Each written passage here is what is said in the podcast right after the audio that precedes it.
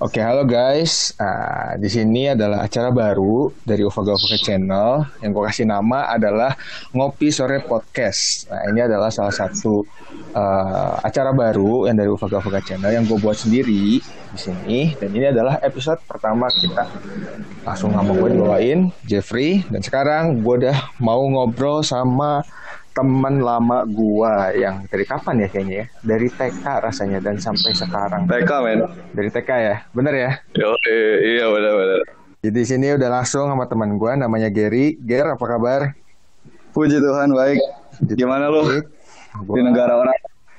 Puji Tuhan biasa aja Bule cakep-cakep bule. Bule bagus bagus. Semua produk bagus di sini. Oh mantap ya. nah sekarang lu lagi sibuk apa sih? Sekarang gua kerja di salah satu grup media terbesar di Indonesia uh, di Jakarta. Kantor, gitu doang sih. Kantor Jakarta berarti? Iya. Ngerjain bagian apa Ger? Gue di divisi pengawasan sebagai internal auditor. Oh, auditor nih berarti mainnya sekarang. Masih tetap ya? Yo, eh, masih tetap. Oke.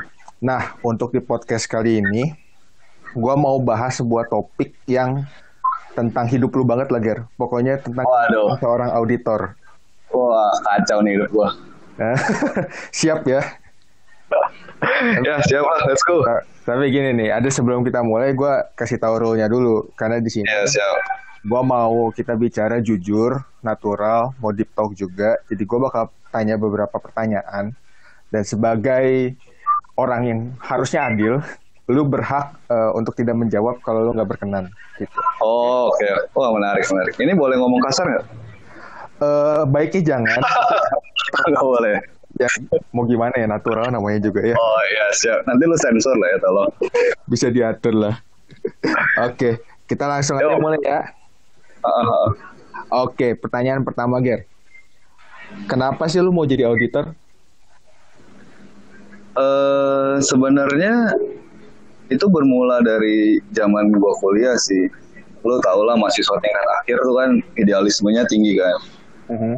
Anak teknik ingin jadi insinyur, arsitek ingin jadi arsitek, dan gue sebagai mahasiswa akuntansi ya inginnya jadi uh, auditor gitu atau at least yang berhubungan lah dengan dunia akuntansi gitu dan buat uh, orang-orang uh, kita yang kerja di dunia finance itu salah satu tempat untuk memulai karir tuh ya di kantor akuntan publik.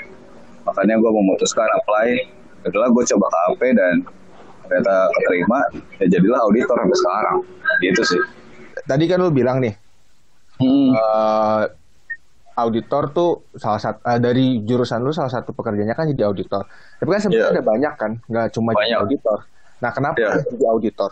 Kenapa milih sih jadi auditor? Oke. Okay. Terjawab pasti berapa persen? Lebih dari 120 persen sih kayak apa ya? It's beyond my expectation gitu loh. Maksudnya gimana tuh? Jadi yang lu harapkan artinya lu dikasih lebih. Gitu. iya coy, parah. Gue kira gue hanya akan menjadi seorang uh, profesional yang melakukan prosedur audit. Gitu. Uh-huh. Ya, uh, eh, gue bekerja bersama tim di kantor akuntan publik dan sebagainya lah pekerjaan pada umumnya. Hmm. Tapi ternyata pas gue melakukan profesi itu, wah parah sih. Gue benar-benar kayak yang namanya kerja keras luar biasa keras tuh itu auditor sih. Orang-orang yang willing to do everything for their career tuh lu bakal temuin di KAP sih. Apa ya?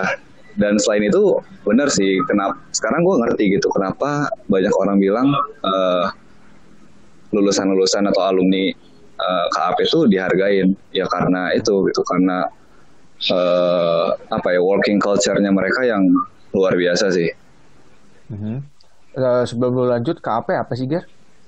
KAP itu kantor akuntan publik. Ah, kantor akuntan publik. Jadi itu tempat-tempat orang-orang yang kurang tidur Jadi pertanyaannya adalah lu puas gak sih sebenarnya dengan kehidupan lu sekarang? Gimana ya? Uh, sebenarnya gue merasa gue terlalu sebentar sih kalau boleh jujur ya. Aha. Sebentar. Satu setengah satu setengah tahun tuh lu belum belajar apa-apa sebenarnya. Aha. Kayak gue masih nyicipin lah, gitu loh. Cuman uh, balik lagi sih apa yang lu cari gitu. Uh, dan satu setengah tahun di KP buat gue pribadi, gue sih merasa gue sudah menemukan nih apa yang gue cari gitu. Dengan kata lain, rasa penasaran gue waktu kuliah tuh udah terjawab. Tapi secara teknikal kemampuan akuntansi dan audit sih uh, gue masih merasa minim kok gitu. Masih banyak banget yang jagonya parah sih. Itu kalau lu mau cari orang-orang pinter akun tuh lu ke kantor kantor gue dah. Itu otak isinya PSAK kayaknya. Kayak kitab sejarah akun tuh di situ semua. Kita jump ke next question ya Yo. nah lu kan tadi bilang udah satu setengah tahun nih di mm. dunia KAP ya mm. boleh tahu nggak boleh diceritain nggak lu satu setengah tahun tuh di mana sih pernah pengalamannya di kantor apa aja dulu dari dulu setelah lulus sampai sekarang di kantor yang salah satu media ini media terbesar Indonesia ini atau sebelumnya lu pernah di mana? Uh, jadi sejak lulus itu ya itu balik lagi ke yang tadi gue bilang sih dengan idealisme gue gue yang jadi auditor kan. Mm -hmm. Terus dengan keberanian gue gue cuma apply dua tempat tuh dan dua-duanya kantor akuntan publik. Uh-huh. Jadi kayak gue ambil aja resikonya lah. Pokoknya gue cobain aja dua ini dulu tanpa apply tempat yang lain. Nah ternyata dapat nih di salah satunya. Ya udahlah, uh, eh, gue ambil kan dengan pertimbangan emang itu gue pengen. Dan tempat yang menerima gue ini itu salah satu yang paling besar lah gitu. Terus pas ngejalaninnya eh gimana ya? Lu belajar banyak banget sih.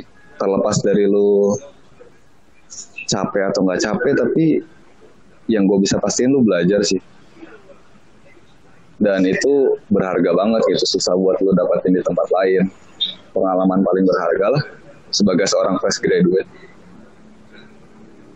gitu Jack boleh gue sebut gak kantor lu sebelumnya apa nih? Jangan, jangan, jangan. Jangan. Pakai kalau... inisial aja. Ya aja. Big Four. iya, tiga huruf. Big Four tiga huruf. Lu ya udah pasti ketahuan sih sebenarnya. lu dulu pernah di situ kan? Iya. Berapa lama tuh? Satu setengah tahun.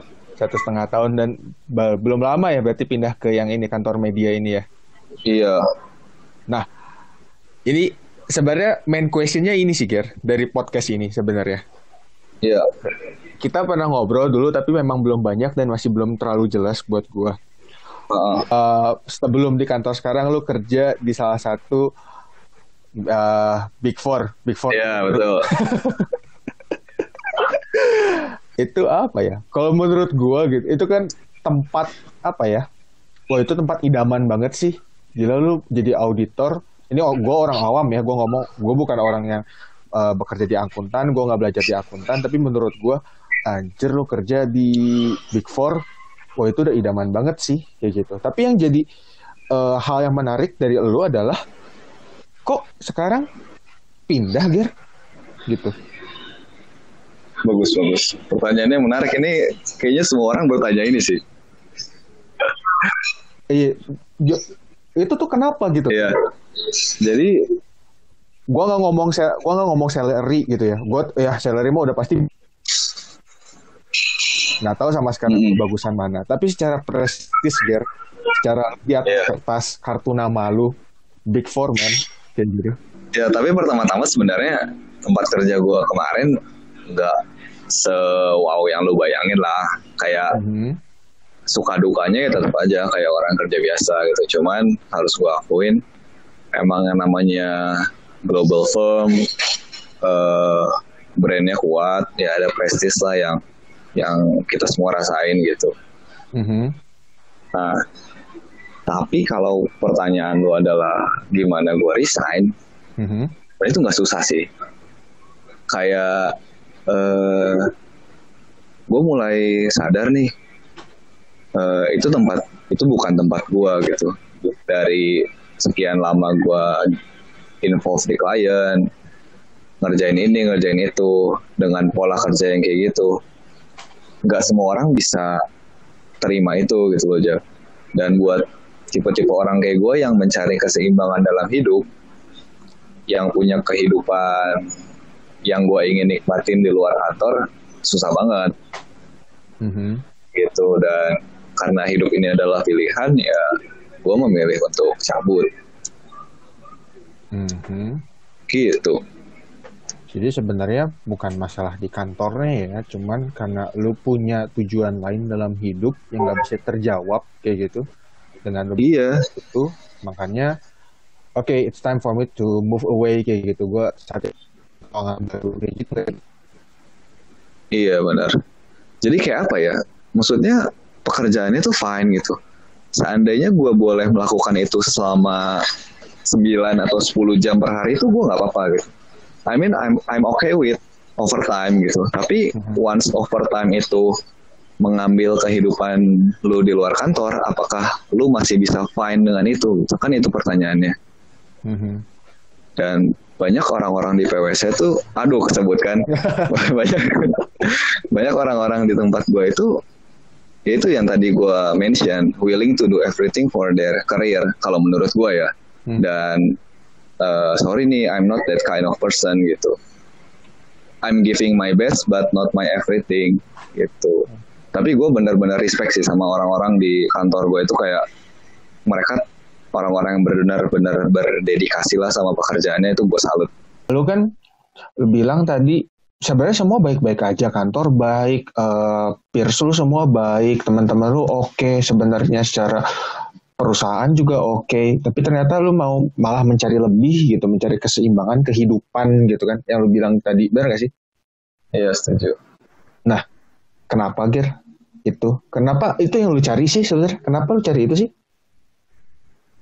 Kenapa ya? Sebenarnya gini sih, ini di sini pola asuh bermain sih. Gue tuh lahir dan tumbuh besar di keluarga yang sederhana ya lu tau lah keluarga gue gitu. Mm-hmm. Uh, dan gue menjadi orang yang percaya kalau kebahagiaan itu bukan soal karir, bukan soal uang, bukan soal prestis. Ya lu yang memilih untuk bahagia gitu. Mm-hmm. Nah, sorry to say, gue tidak menemukan kebahagiaan gue di kantor gue yang itu gitu. Hmm. Dengan segala apa yang diberikan, dengan segala apa yang gue dapatkan, uh, eh, gue malah tidak menemukan kebahagiaan gue di sana gitu dan justru itu yang paling penting gitu gue ingin merasakan gue bisa menikmati apa yang gue lakukan uh, eh, gue bisa bangun pagi dengan tenang tidur dengan tenang gitu.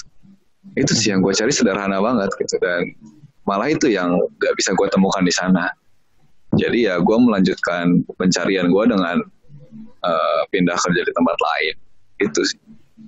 Hmm, karena uh, kalau gue ngelihat sekarang gue kan udah nggak tinggal di Indonesia nih untuk waktu oh, hampir iya. setahun ya dan sombong amat enggak yang gue lihat karena gini dengan gue keluar dari Indonesia gue punya kacamata yang lebih objektif ngelihat kehidupan di Indonesia dan yang gue lihat dari sini terutama okay. karena yang gue lihat cuma di sosmed ya gue nggak tahu kehidupan Rio-nya yang berkembang uh. di sosmed tuh semuanya tentang apalagi di dunia per YouTubean di mana gue masih memulai di sana juga semua tuh aduh men gila. Orang Indonesia tuh ngomongnya semua tentang uang uang uang. Kayak money is everything bro. Kayak konsep yang coba dimunculkan di generasi yeah. zaman sekarang tuh kayak gitu gitu. Makanya yeah, makanya gue tuh menarik ngobrol sama lo di podcast kali ini. Karena wah gue yakin di Big Four semuanya terbaik. Dan lu pun bilang memang itu memang nggak bisa dibohongin itu memang tempatnya sangat baik kayak gitu. Tapi ternyata Setuju. lu mencari hal yang lebih kayak gitu. Itu kan jadi beda kayak gitu loh. Kenapa? Kayak gitu. Karena uh.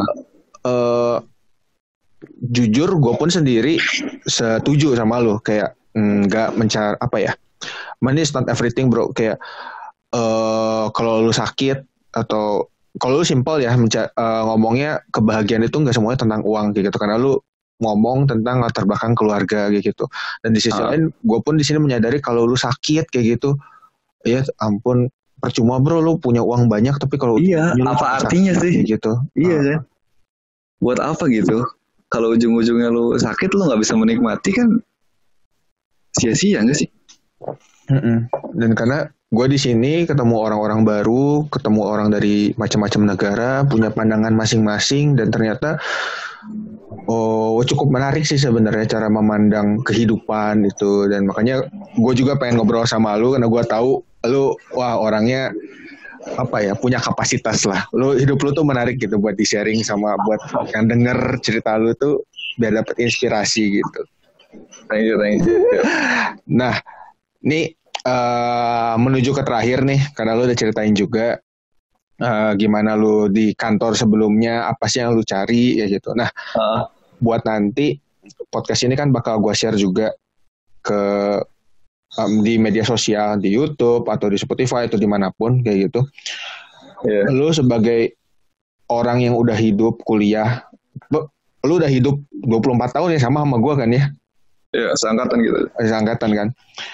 Selama ini terutama dari eh, pekerjaan lu dan bidang lu, pesan apa sih? Pesan hidup apa sih yang lu mau eh, sampaikan sebenarnya buat gua atau buat nanti orang yang dengar bisa general ya, bisa general ataupun bisa spesifik tentang eh, bidang lu tentang akuntansi kayak gitu. Ada nggak sih Iya, yang iya. bisa lu mau share tentang pelajaran hidupnya? Eh, kalau boleh gue pengen cerita satu momen sih ini di mana gue menyadari semuanya gitu ya. Mm-mm, boleh, Jadi boleh. Agustus tahun lalu tuh eh, kalau lo ingat mungkin ada peristiwa gempa Lombok. Ah iya, Iya, ah, ingat-ingat gue Iya, ingat. kan? Nah, ingat. gue ada di situ coy. Gue ada di Pulau Gili Trawangan sama kantor gue lagi acara acara gathering gitulah. Mhm. Nah, di malam yang menyenangkan itu ternyata tiba-tiba kejadian gempa kan. Mhm. Dan long story short, kita mengungsi, panik, nangis, berdoa, pasrah dan segala macam lah. Dan di momen itu tuh gue merasa dekat banget sama kematian gitu. Mhm. Di pengungsian itu di titik tertinggi di Pulau Gili karena kita menghindari tsunami kan. Mhm.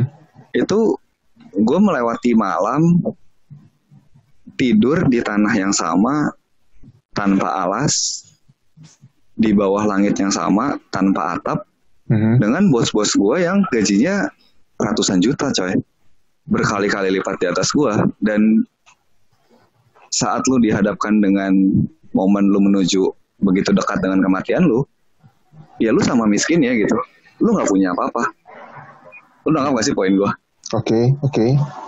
jadi apa pun jabatan lu berapapun gaji lu once lu dihadapkan dengan titik lu begitu dekat dengan kematian lu sama miskinnya gitu Oke. Nah di situ di situ gue sadar gitu.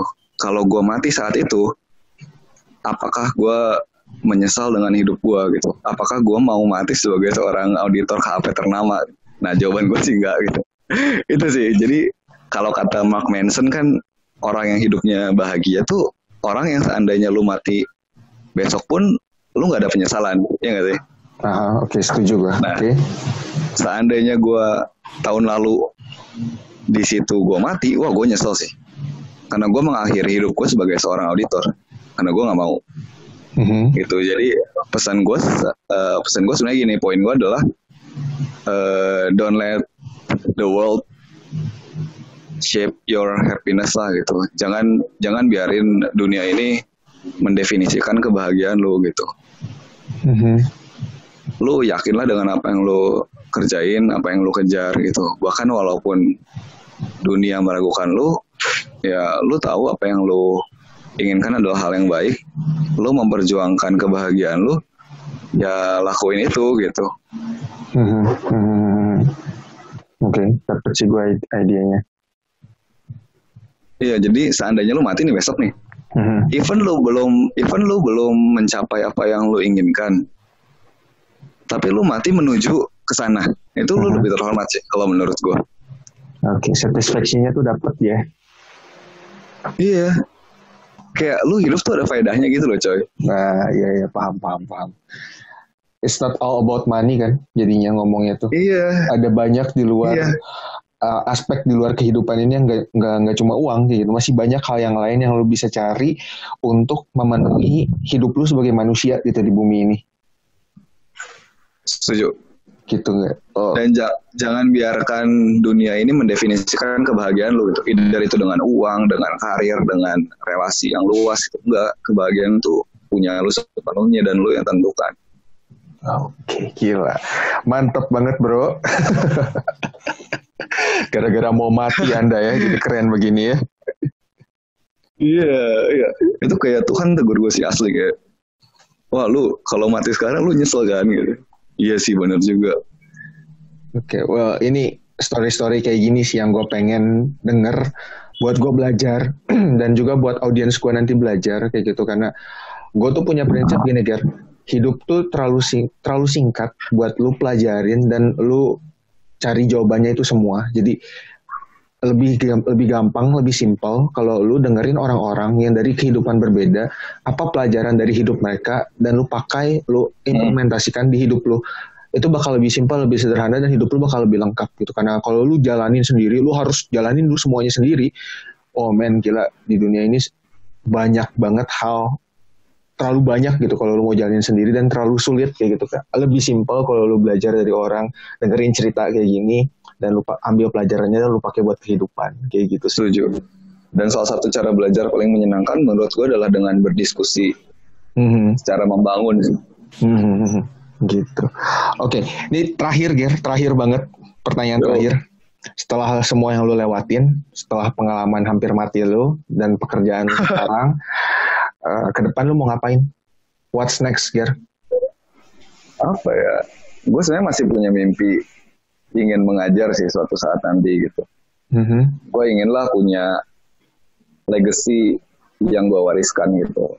Apa mm-hmm. pengalaman gue ini, ilmu yang gue punya walaupun sedikit, tapi bermanfaat buat orang lain. Gitu. Jadi uh, mungkin rencana dekat sih sekolah lagi kali ya. Mm-hmm biar makin belajar lagi karena masih terlalu sedikit lah yang gue punya untuk dibagikan dengan orang lain. Oke. Okay. Mungkin itu sih. Mungkin nyusul lu. ya, gue aminin lah. Biar kita ketemu lagi lah. Kita udah lama loh gak ketemu. Gue udah hampir setahun. Iya, gak pulang-pulang. Oh jauh coy. Naik pesawat 16 jam. Ya, pegel. mahal juga ya. pegel pak. Uh, ketahuan banget gue tuanya 16 jam duduk di pesawat tuh pegel ya. Iya sih, sakit sih itu pantat lu. ya gitu sih. Ya mungkin ini uh, the end of the part of the first podcast of mine. Thank you banget Ger udah mau di sini buat jadi narasumber Thank pertama buat ngobrol-ngobrol. Gue sih selalu doain sukses buat lu, buat semua yang lu jalanin dalam kehidupan lu, buat semua pencarian Amin. dalam kehidupan lu, keseimbangan Amin. hidup lu. Dan gue harap sih uh, tetap jadi Gary yang selalu menginspirasi yang yang selalu gue juga amazed gitu kalau dengar cerita lu tuh. Ya gue harap kita ketemu lah one day. Amin amin. Wajib wajib. Kayak gitu. Dan kita bakal bertukar cerita yang apa ya bukan hanya menyenangkan tapi saling membangun lah. Oke itu sih penting banget. Mungkin segini aja uh, podcast hari ini. Podcast pertama ini. Uh, nanti uh, hasil ini beberapa mungkin gue edit karena tadi ada masalah uh, teknis dan nanti bakal gue share. Nggak apa-apa Ger? Gak apa-apa sih semoga nggak malu-maluin deh. Gue yakin cerita lu pasti bermanfaat sih. Bagus banget soalnya. Oke okay, thank you banget Ger buat hari ini. Thank you. Sama-sama. Uh, uh, buat semuanya yang nanti bakal dengar, thank you udah dengerin dari awal sampai akhir. Dan tunggu podcast selanjutnya dari Ngopi Sore Podcast. Oke, okay, bye-bye. Bye.